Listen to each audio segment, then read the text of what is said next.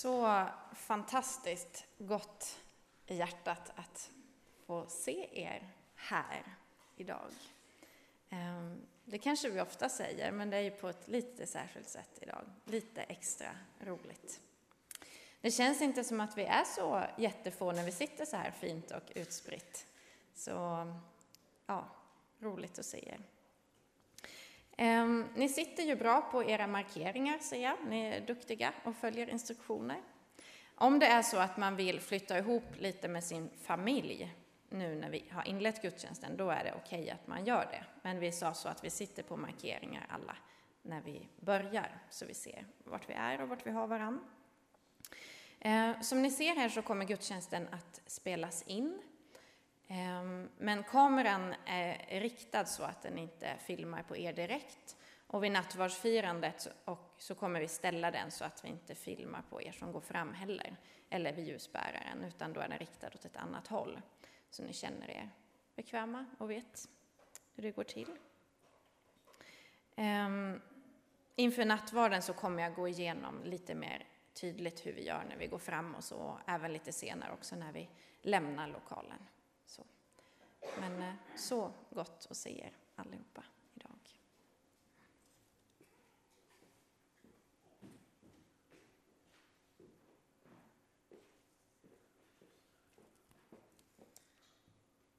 Hej och välkomna till kyrkan.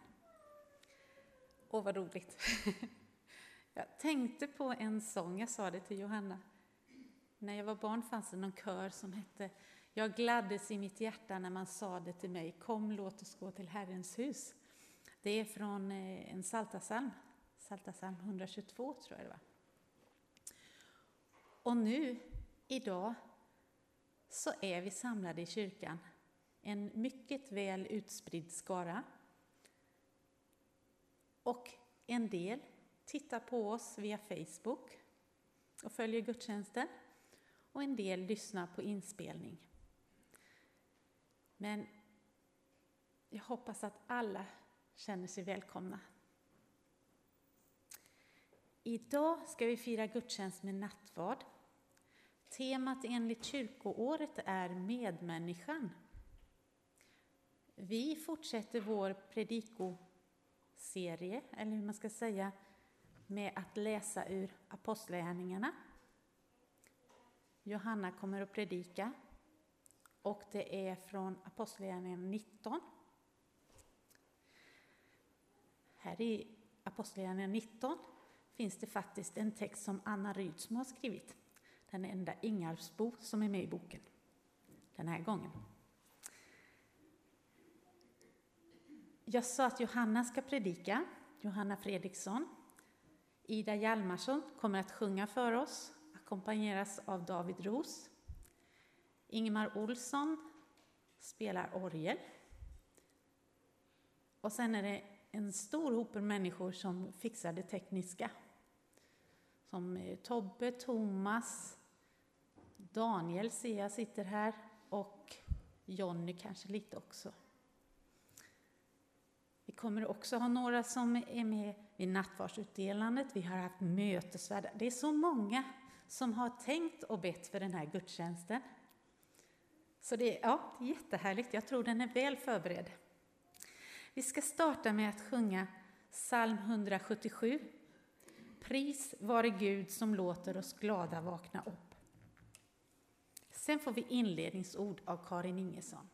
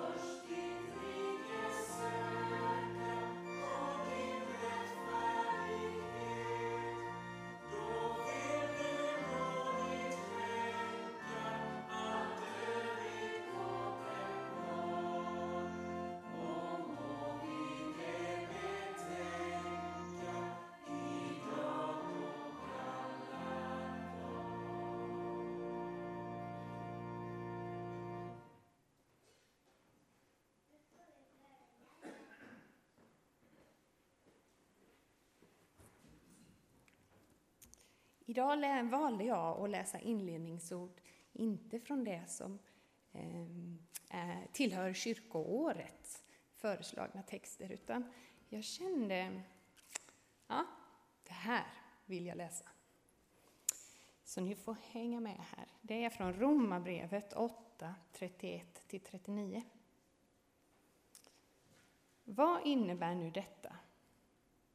Om Gud är för oss, vem kan då vara mot oss? Han som inte skonade sin egen son, utan utlämnade honom för att hjälpa oss alla. Varför ska han inte skänka oss allt med honom? Vem kan anklaga Guds utvalda? Gud frikänner. Vem kan då fälla?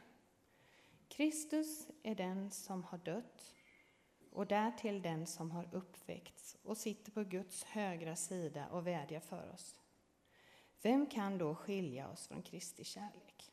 Nöd eller ångest, förföljelse eller svält, nakenhet, fara eller svärd?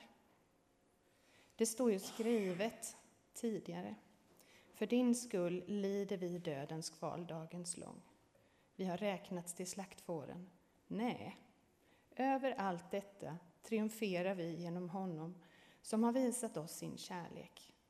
Ty jag är viss om att varken död eller liv, varken änglar eller andemakter, varken något som finns eller något som kommer, varken krafter i höjden eller krafter i djupet eller något annat i skapelsen ska kunna skilja oss från Guds kärlek i Jesus Kristus, vår Herre. Och vi ber tillsammans.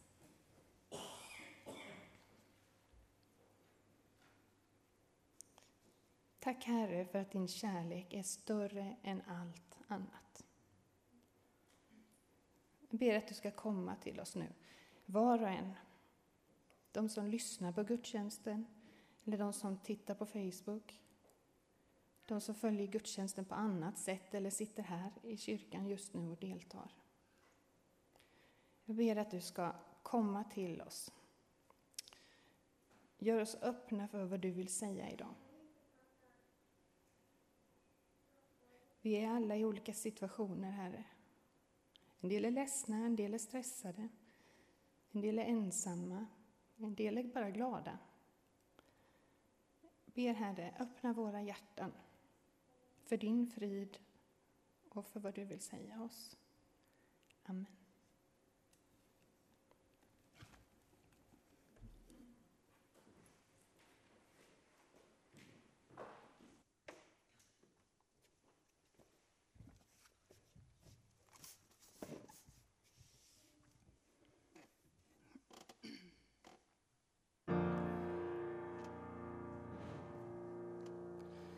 Det gick så himla fort, allt vi sett fram emot.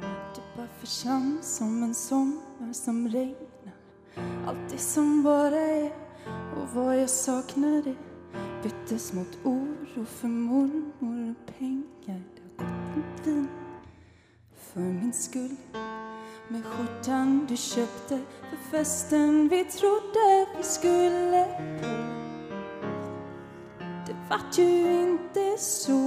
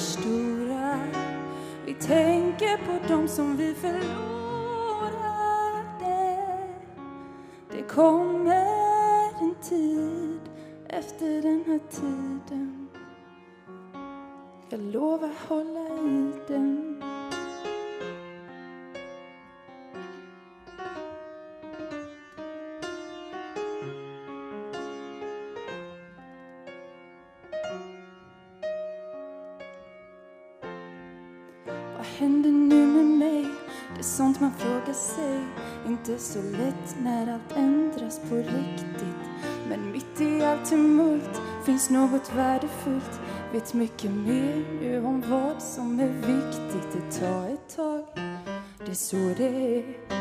Och dagen när vi är tillsammans igen känns rätt främmande.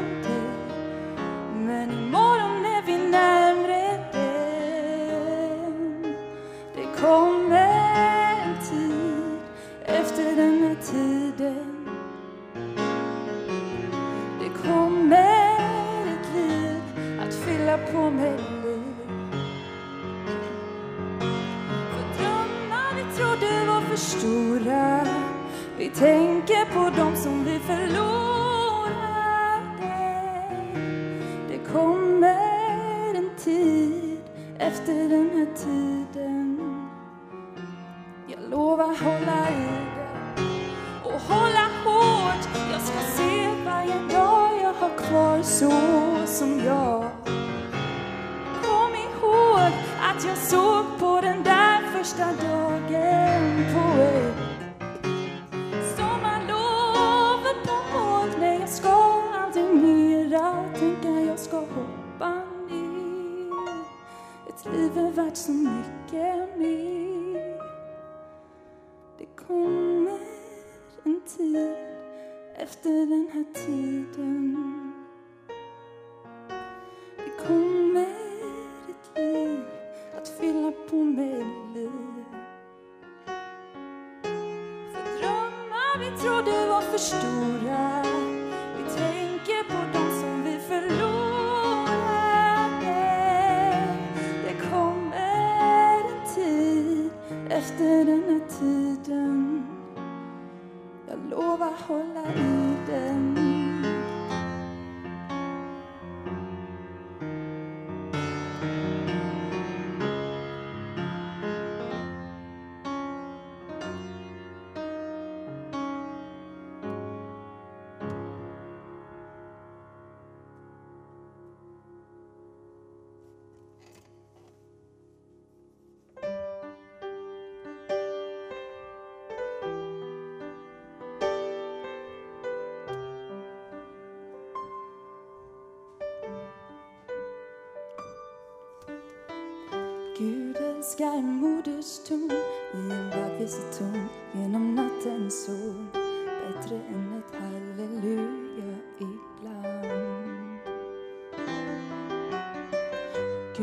älskar den försupnes rop, soldatens bön att inte falla ihop bättre än ett halleluja ibland. All förtvivlan ropar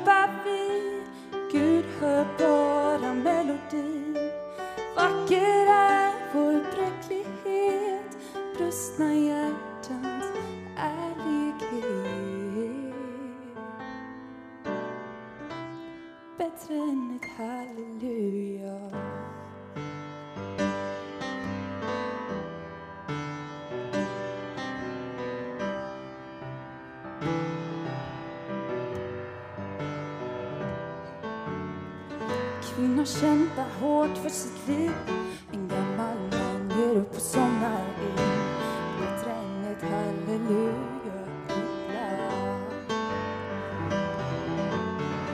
All skam för sånt som är gjort Och tystnaden som talar när det inte finns ord. Bättre än ett halleluja ibland.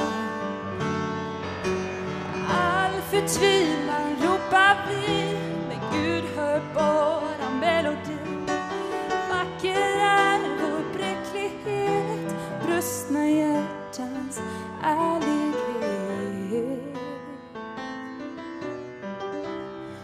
Bättre än ett halleluja. Och bättre än en klocka.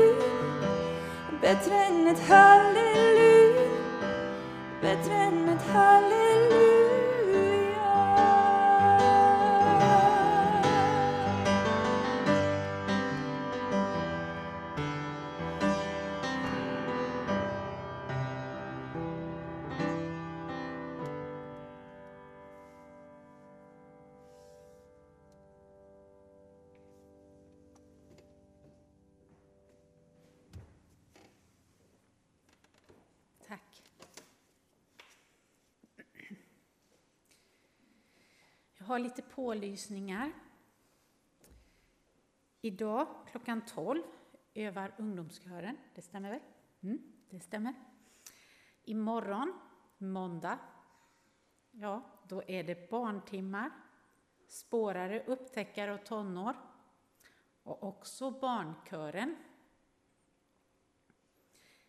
På tisdag klockan 19.30 så är det nattvardsstund. Och sen fredag, lördag är det dags för hike. Både spårare, upptäckare och äventyrare. Alla våra olika scouter. Nästa söndag klockan 10 konfirmationsavslutning, du Edvin.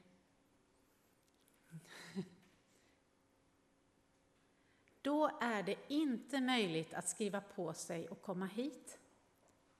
För då är det konfirmanderna och de familjer och deras vänner och kanske förebedjare och så som får komma den söndagen. Men vi får följa via Facebook. Och det kommer också att bli tre konfirmander som döper sig. Som döps, heter det. Johanna ska predika och hålla i den gudstjänsten. Benita Hjalmarsson kommer att sjunga och ni konfirmander kommer att medverka.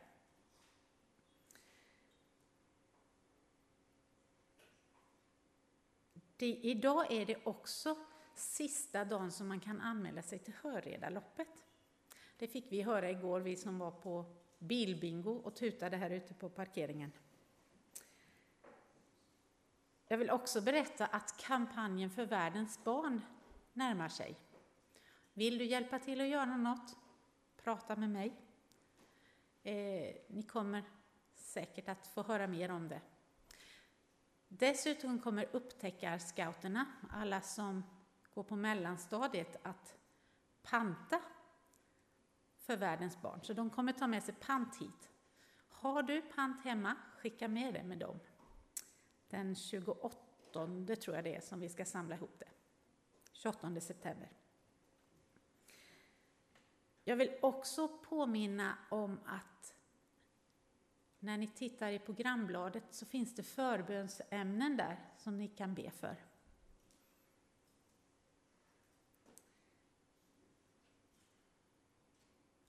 Agneta, du hade information från styrelsen. Är det någon mer som har något att pålysa så får ni komma fram.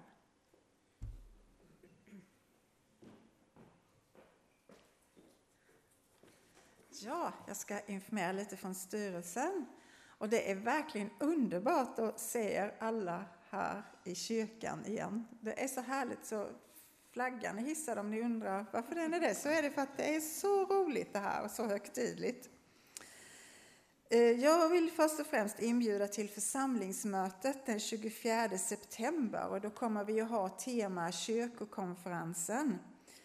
Den kommer ju vara helt digital ehm, och de, vi har lite ombud där. Det är Anna-Karin Frisk, Tina Levin och Mattias Ingesson. Och vi ska väl försöka få lite underhandsrapport ifrån dem.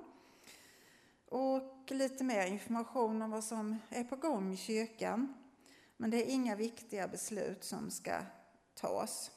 Om det är något som du vill ta upp så hör gärna av dig.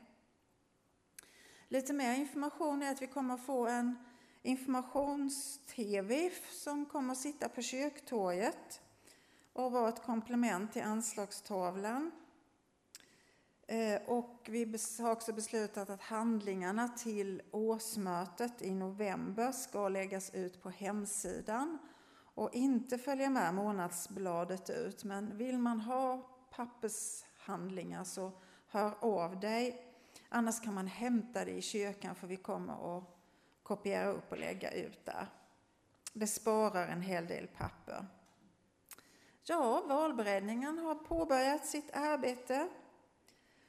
Och eh, kanske så fortsätter de här poddinspelningarna som vi har haft i sommar om eh, sommarprat även under hösten i lite annan form. Det är diskussioner kring detta då.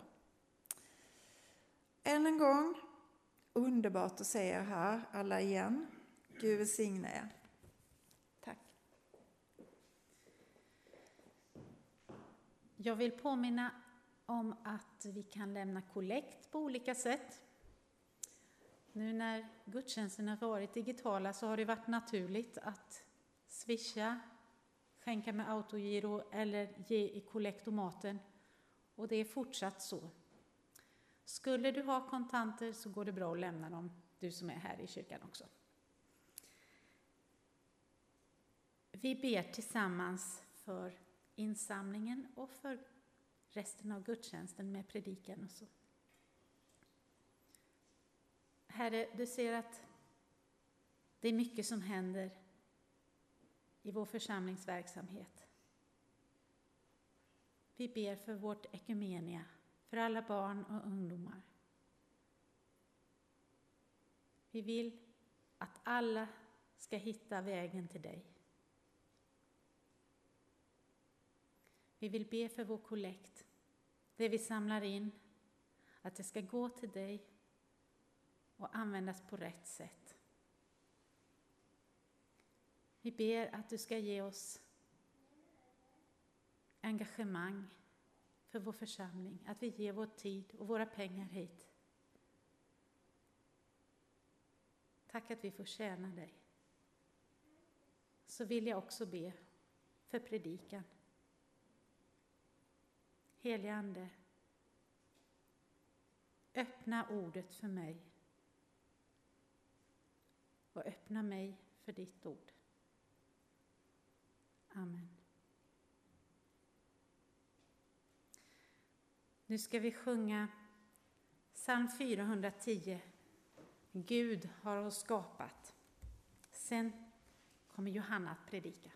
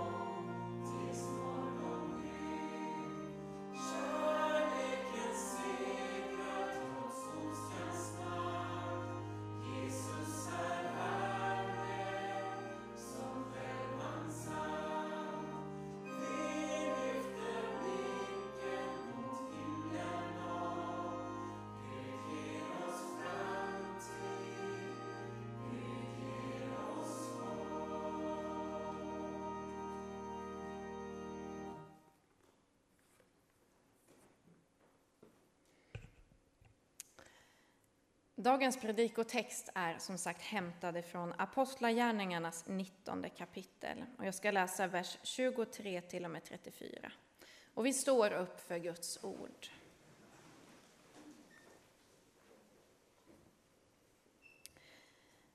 Men just vid den tiden blev det ett allvarligt upplopp med anledning av vägen. En silversmed som hette Demetrios tillverkade Artemis tempel av silver och skaffade därmed hantverkarna avsevärda inkomster. Nu kallade han samman dem och andra som hade samma slags sysselsättning och sade Ni vet att vi har den här verksamheten att tacka för vårt välstånd. Men nu ser och hör ni att den där Paulus har fått en mängd människor att ändra sig. Inte bara här i Efesos, utan i nästan hela Asien. När han säger att gudar som vi gör med våra händer inte är några gudar. Det är inte bara vårt hantverk som riskerar att få dåligt rykte. Vi kan också befara att vår höga gudinna Artemis tempel mister sitt anseende och att hon själv blir berövad sin storhet, hon som hela Asien, ja hela världen dyrkar.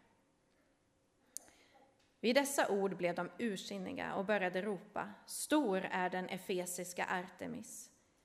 Hela staden råkade i uppror och från alla håll rusade folk till teatern och man släpade med sig Gaius och Aristarkos, två makedonier som var reskamrater till Paulus. Paulus ville då gå in och tala till folket, men hindrades av lärjungarna. Några i provinsrådet som var hans vänner skickade också bud till honom att inte visa sig i teatern. Där ropade alla i munnen på varandra. Mötet var förvirrat och de flesta visste inte varför de hade kommit dit. Men några ur hopen satte Alexandros in i saken när judarna skickade fram honom. Han ville hålla ett försvarstal och gav tecken till tystnad. Men när man upptäckte att han var jude började alla på en gång ropa Stor är den efesiska Artemis och höll på så i ett par timmar. Så lyder Herrens ord. Gud, vi tackar dig. Varsågoda, sitt.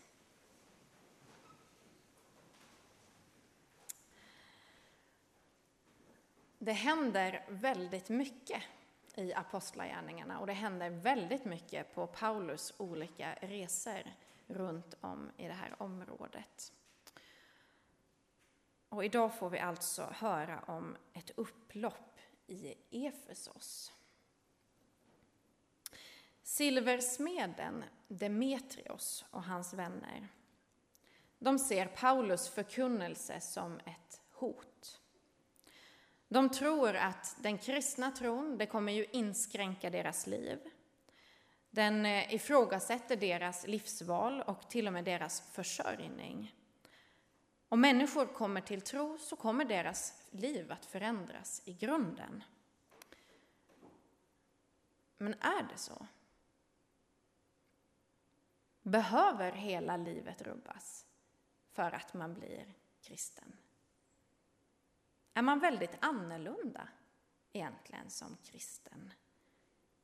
Kan man se på gatan här ute vilka som är kristna och inte? Gör kristna människor helt andra livsval än andra? Jag är inte så säker på det.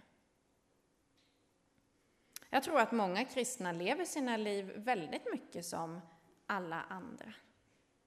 Man vaknar trött man dricker sitt kaffe. Man går till arbetet, man engagerar sig, man suckar. Man skrattar, man äter, man samtalar, hugger i, kommer hem, tvättar, städar, älskar, umgås, somnar.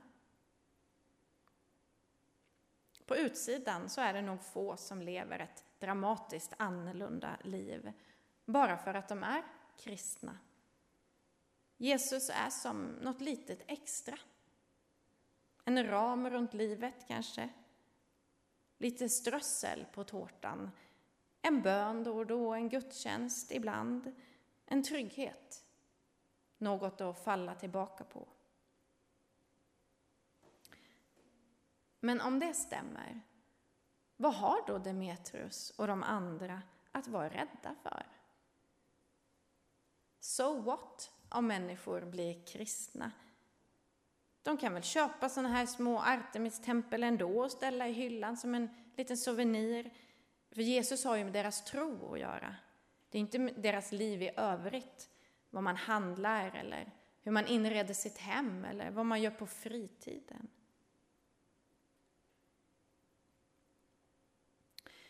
Jag tror att den här silversmeden Demetrios, han hade förstått någonting. Som många av oss, verkligen mig själv också, nog skulle behöva få upp ögonen för, kanske ändå lite mer. Att anspråket att Jesus är Herre, det är inte bara ett litet tillval i livet, utan någonting som rubbar själva grunden för tillvaron. Det skakar om allt. Det utmanar våra prioriteringar och livsval. Och Demetrius, han förstod det. Han förstod att om människor här i staden kommer till tro så kommer det att förändra allting. När människor kom till tro och lät döpa sig i fornkyrkan, då fick man offentligt inför församlingen bekänna sin tro på Jesus. Och lite samma praxis har vi också idag i våra församlingar. Vi frågar den som vill bli medlem om man vill bekänna sin tro på Jesus. Men vad betyder det? Vad betyder det här anspråket som vi har att Jesus Kristus är Herre. Jag tänker att om man tillåter sig att landa i de här orden så förstår man att det här är inte vilket anspråk som helst. Det är ganska så stort. Och det gäller allting. Det innebär att Jesus Kristus ensam är Herre. Inte över vissa saker, inte över vissa delar, utan över allt. Det innebär att Jesus, och inte jag själv, faktiskt är Herre i mitt liv. Han är Herre över min tid. Han är Herre över mina relationer. Han är Herre över mina uppdrag, mitt engagemang, mina ägodelar mina tillgångar. Om han är Herre så kan ingen annan vara det. Och om jag låter någon eller något annat vara det, då förnekar jag Gud det som rättmätigen är hans. I fornkyrkan så fanns det vissa saker som var förbjudna för en kristen. Han eller hon fick till exempel inte vara militär på grund av förbud, förbudet att döda en annan människa. Men det var lika förbjudet att delta i offerkulten till kejsaren. Och det kan man ju ur ett nutida synsätt fundera lite över varför det var så. Särskilt eftersom att vi vet att det var förenat med livsfara att neka att delta i den här offerkulten. Och många, många kristna fick också sätta livet till för att man ja, inte var med på det här. Ja, men Gud ser ju till hjärtat, tänker kanske vi. Han vet ju om vi tror på honom eller inte. De första kristna de hade ju bara kunnat ljuga, behålla livet, men bevara tron i sitt hjärta. Men för dem så var det en omöjlighet. Och aldrig tidigare i historien så tror jag att man som idag har tänkt om tron som en strikt privatsak. Någonting som bara rör mitt hjärta, mina tankar. Givetvis var det någonting som berörde hela livet. Privat och offentligt. Människan är ju kropp, själ och ande i en evig förening. Och att bekänna Jesus som Herre innebär att han är Herre över alla delarna. Min tro, mina handlingar, det inre och det yttre livet. Och jag tror att det är också därför som Jesus säger i Lukas 12 och 49 Jag har kommit för att tända en eld på jorden, om den ändå redan brann. Tror ni att jag är här för att skapa fred på jorden? Nej, säger jag, men splittring. Jesus steg inte ner på jorden för att bevara status quo här. För att vi skulle fortsätta leva precis som vi har gjort förut. Som om ingenting hade förändrats. Eller som Magnus Malm skriver i en bok, som om Gud inte fanns. Jesus led inte korset. Han besegrade inte döden för att ge oss en, en snuttefilt, någonting att bära med oss innanför jackan. Någonting som inte syns eller hörs för omvärlden. Jag har kommit för att tända en eld på jorden, säger Jesus. Och Demetrius, han förstod det. Och han blev rädd. Jag tror för egen del att vi skulle må bra av att ännu mer förstå innebörden i orden i vår bekännelse, att Jesus Kristus är Herre. Men jag tror till skillnad från Demetrius inte att vi behöver vara rädda. Demetrius tror att Paulus förkunnelse är ett hot mot livet. Och på ett sätt så har han rätt. Det är förmodligen ett hot så som livet ter sig just nu. Men, och det är väldigt viktigt, det är inget hot mot det sanna livet. För det är ju just det livet som Jesus kom för att ge till oss. Jag har kommit för att ni ska ha liv och liv i överflöd, säger Jesus. Det är hans budskap. Att allt det som vi klamrar oss fast vid, det som vi håller oss i, strävar efter, söker, så mycket av det är inte det sanna livet i dess fullhet. Det som vi roffar åt oss, det kommer rinna vår, genom våra fingrar som sand.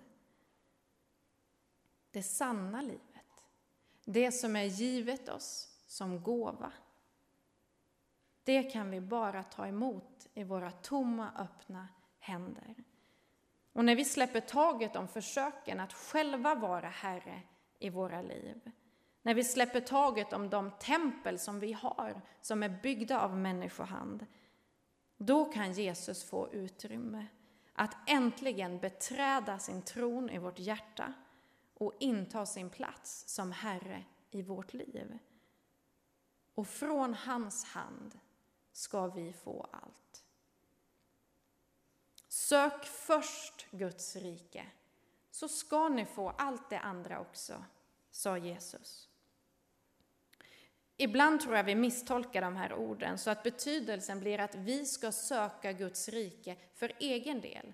Alltså söka det som en plats som vi kan nå eller ta oss till. Men betydelsen är ju att vi ska söka Guds rike för Guds skull. Alltså söka hans ära. Ge honom utrymme i vårt liv, i vår vardag. För när han får inta sin plats som Herre i sitt rike, i vårt rike här inne, då kommer välsignelsen att flöda. Inte i form av kanske världsliga rikedomar, makt och ära, utan i form av liv. Det sanna livet. Det där enda som på djupet mättar vår törst och vår hunger. Och Demetrios förstod det. Att när människor kommer till tro, då kommer de inte längre se glansen i de silvriga Artemis-templen skapade av människohänder. De kommer att se dem för vad de verkligen är. Det är sand. Möjligtvis väldigt ståtliga i världen, men försvinnande små i ett evighetsperspektiv. Han förstod det. Nu gäller det för oss att inse samma sak, igen och igen. Att vi kanske med våra ord bekänner Jesus, men våra liv, våra val, våra handlingar deltar så ofta i den här kören som vi läser om, som timme efter timme dyrkar det skapade. I rannsakan kan vi få syn på oss själva, i samtalet med Herren, det intima mötet. Där vågar vi fråga oss, bygger jag med mitt liv ett tempel åt Herren? I det här fallet, i de här delarna. Eller visar mina val att jag faktiskt värdesätter något annat högst? De första kristna, de kallades vägen. Och jag tror att det är viktigt. För det visar åt vartåt de strävade. Samtidigt som de förstod i ödmjukhet att vi är inte framme där än. Och vi kommer förmodligen inte nå ända fram i detta livet. Vi är vägen. Men vi fortsätter ju ändå att gå. Vi går tillsammans. För Jesus är vägen. Han är sanningen. Han är livet. Här vid nattvardsbordet så har Gud rest sin tron och från det flödar hans välsignelse. När vi tar emot gåvorna i våra tomma, öppna händer så ödmjukar vi oss inför Gud. Och på samma gång så låter vi honom beträda vårt hjärtas tron. Vi bekänner då inte bara med ord utan också med vår kropp och våra val och våra handlingar att Jesus Kristus är Herre och allt gott är givet ifrån honom. Vår bön är att resten av våra liv ska få vara ett utflöde från den kärleken, från honom som älskade oss först. Jag ska avsluta med att läsa några verser ur Uppenbarelseboken. Och det handlar om den framtid som vi väntar på, slutet på vägen. Den dag då Gud blir allt i alla. Och jag tänker att det här som jag läser, det kan ses som en motbild eller som en upprättelse av det som vi läste om i slutet av den här predikotexten. Kören som timme ut och timme in dyrkar det skapade. Jag läser från Uppenbarelseboken 7 och 9. Därefter såg jag och se en stor skara som ingen kunde räkna av alla folkslag och stammar och länder och språk. De stod inför tronen och inför Lammet, klädda i vita kläder och med palmblad i händerna, och de ropade med hög röst. Frälsningen tillhör vår Gud, honom som sitter på tronen och Lammet.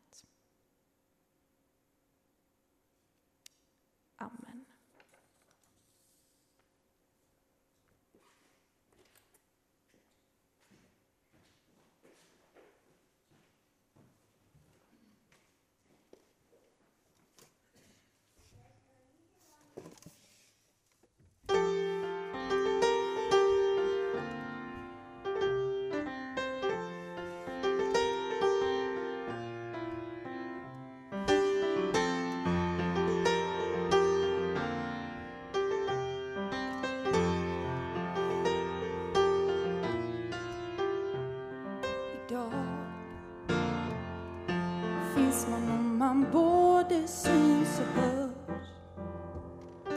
Syns man om man skapar sig extrem. Tysta rop som döljer hjärtats ensamhet. Idag kan man köpa kändisskap och stan och göra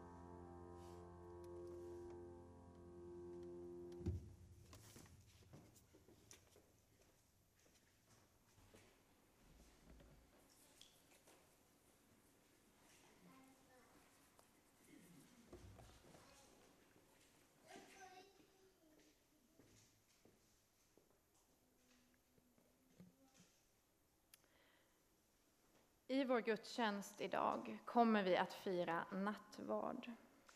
Och till nattvarden kommer vi, inte för att vi måste, utan för att vi får. Inte för att vi är felfria, utan för att vi är älskade. Inte för att vi är färdiga, utan för att vi söker. Vi kommer för att vi behöver gemenskap med varandra och med Gud.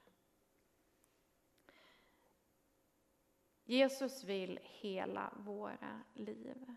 Han vill vara hela våra liv och han vill hela våra liv.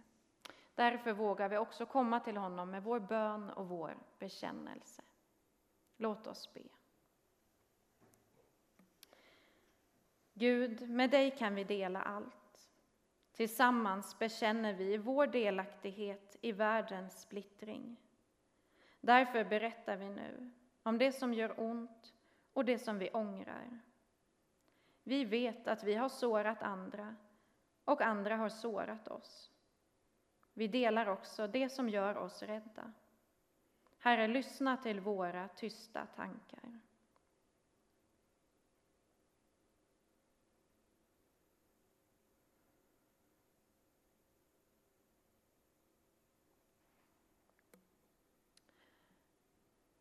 Till dig som ber om förlåtelse och befrielse säger jag på min mästares uppdrag med hans egna ord. Min vän, du har fått förlåtelse för dina synder. I Faderns, i Sonens och i den helige Andens namn. Amen.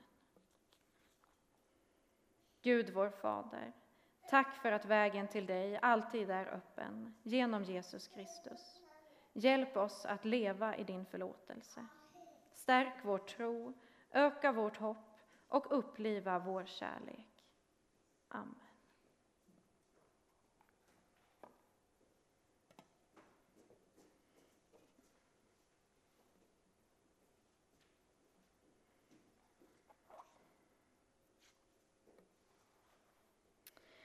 Gud vår skapare, Kristus vår frälsare, tack att du är Gud med oss, osynlig och uppenbar, överallt och nära. Här vid nattvardens bord möter du oss, som förhärligad och förnedrad, som mysterium och enkelhet. Du som är med oss i nuet och som välkomnar oss in i framtiden, Vi ber, möt oss nu med din helige Ande. Amen. Den natt då Jesus blev förrådd tog han ett bröd, tackade, bröt det, gav åt lärjungarna och sa, tag och ät. Detta är min kropp som offras för er. På samma sätt tog han bägaren efter måltiden, tackade, gav åt lärjungarna och sa, drick av den alla. Denna bägare är det nya förbundet genom mitt blod som blir utgjutet för många till syndernas förlåtelse. Så ofta ni dricker av den, gör det till minne av mig. Din död förkunnar vi, Herre. Din uppståndelse bekänner vi till dess du kommer åter i härlighet. Herre, sänd din ande över oss och över dessa gåvor av bröd och vin. Gör oss till ett i din kärlek så att världen kan tro. Din är all ära från evighet till evighet. Amen. Vi ber tillsammans den bön som Jesus själv har lärt oss att be. Vår Fader, du som är i himmelen. Låt ditt namn bli helgat. Låt ditt rike komma. Låt din vilja ske på jorden så som i himmelen. Ge oss idag det bröd vi behöver och förlåt oss våra skulder, liksom vi har förlåtit dem som står i skuld till oss. Och utsätt oss inte för prövning, utan rädda oss från det onda. Ditt är riket, din är makten och äran i evighet. Amen.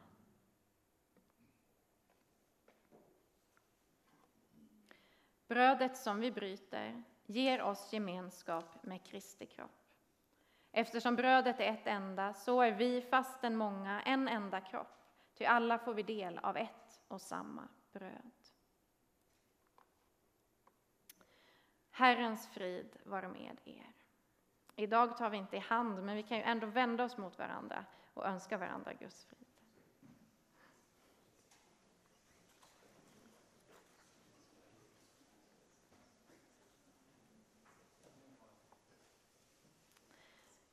Vi sjunger tillsammans. Gud är en av oss vid detta bord.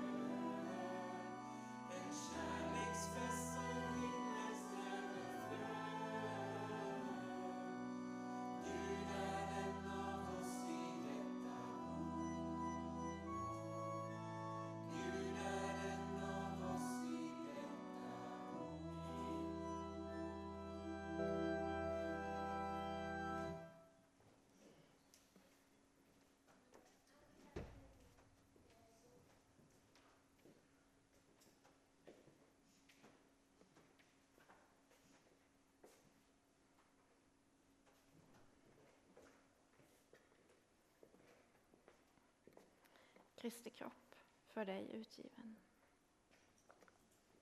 Kristi kropp för dig utgiven. Kristi kropp för dig utgiven. Kristi kropp för dig utgiven.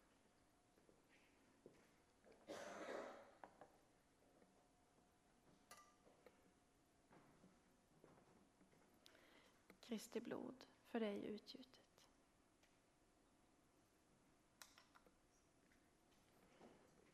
Kristi blod för dig utgjutet.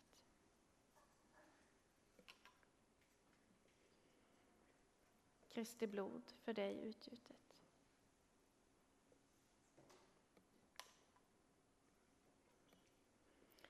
Kristi blod för dig utgjutet.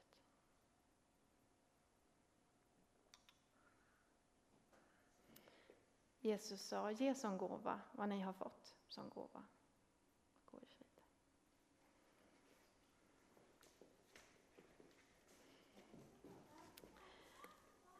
Nattvardsutdelandet kommer att gå lite annorlunda till idag, men ganska samma som vi brukar göra.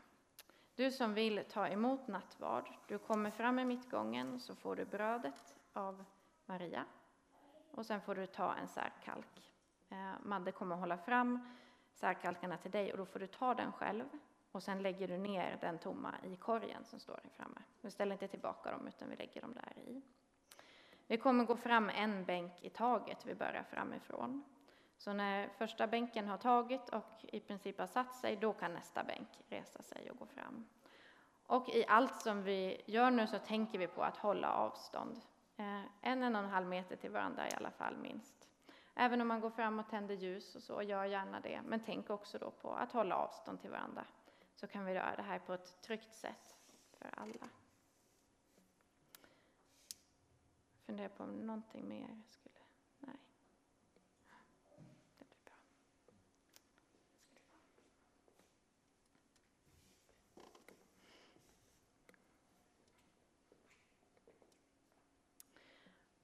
Och när ni kommer fram och tar brödet så håll gärna fram handen så, så ger Maria till dig. Så är det bara en som tar i bröden. Så. Kom, nu är allt tillrätt.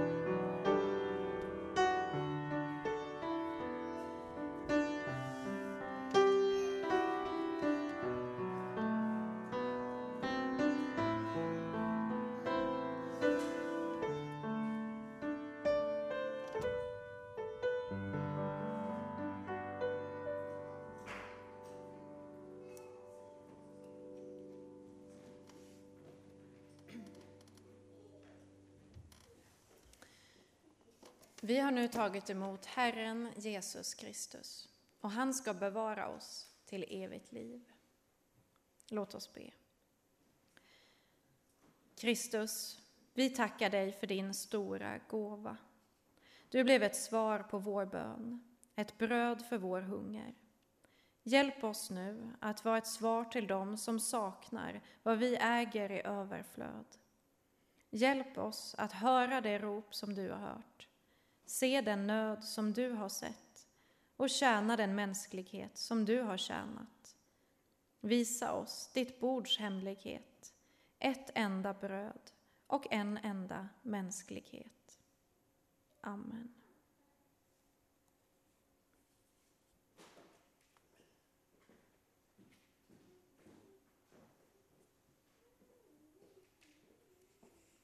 Herre, du ser alla ljus som är tända här.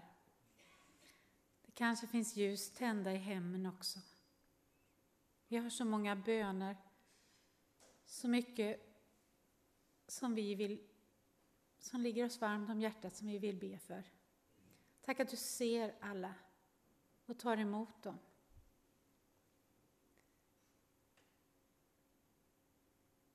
Vi har fått in fyra bönämnen till vår församling också. Det är fyra personer som önskar vår förbön. Eh, vi ber nu och jag ber att ni ska fortsätta be för de här. Det är en person som har förlorat sitt arbete. Vi ber om vägledning och nya möjligheter. En annan person med mycket verk, särskilt i benen. Vi ber om helande och stöd. Det är ytterligare en person som går igenom stora prövningar. Vi ber att han eller hon ska kunna få vara fri att vara sig själv, att leva öppet och frimodigt. Vi ber om ödmjukhet, vägledning och upprättelse.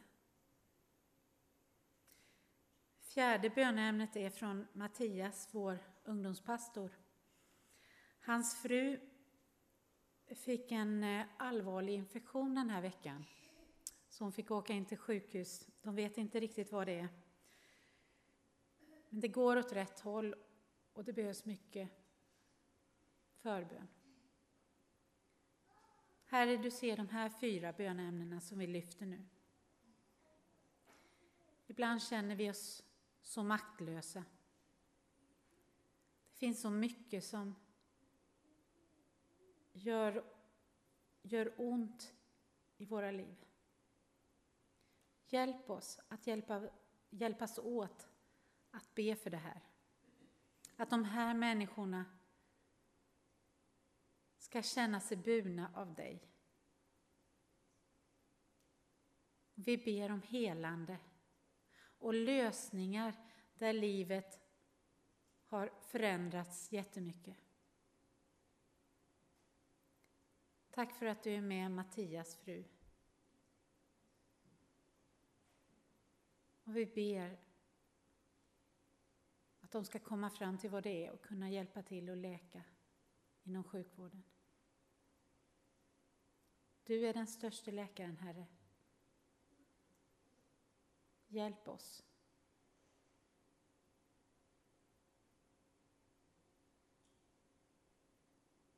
Amen.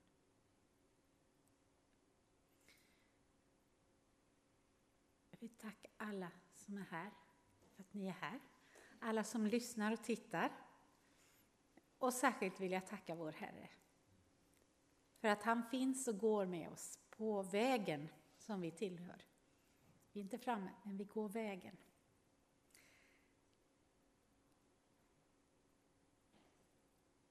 Det sanna livet, livet i överflöd. Och där vi brustna hjärtan får komma i ärlighet, som Ida sjöng. Innan Ida sjunger en sista sång så ber jag att Johanna kommer fram och ber välsignelsen över oss.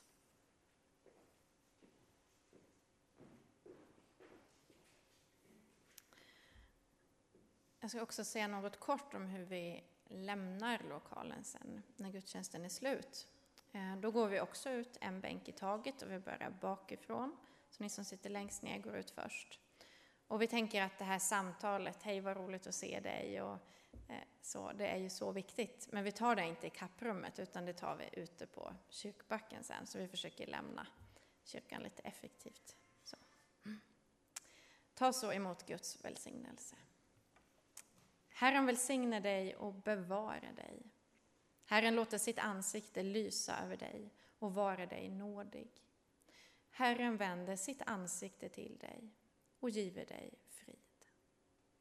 I Faderns, i Sonens och i den helige Andens namn.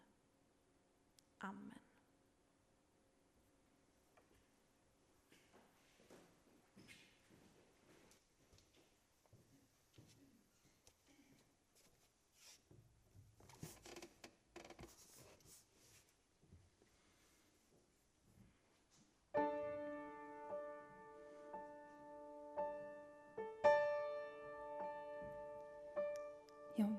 Dig Gud.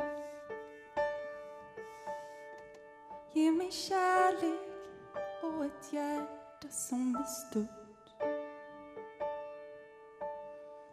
Som kan visa på den kärlek för vår jord Som du gav din son.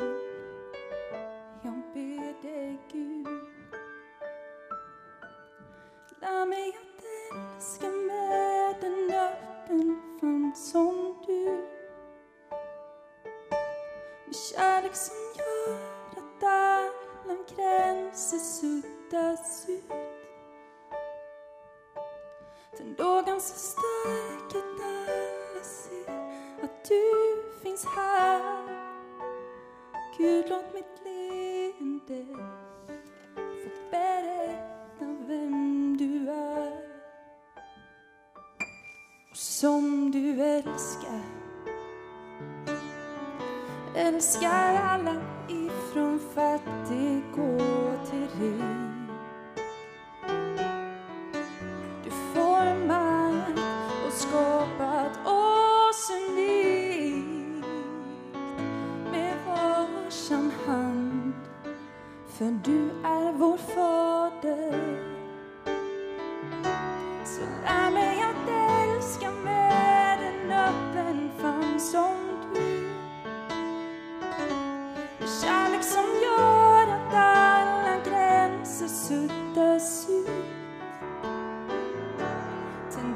så stark att alla ser att du finns här Gud, låt mitt leende få berätta vem du är.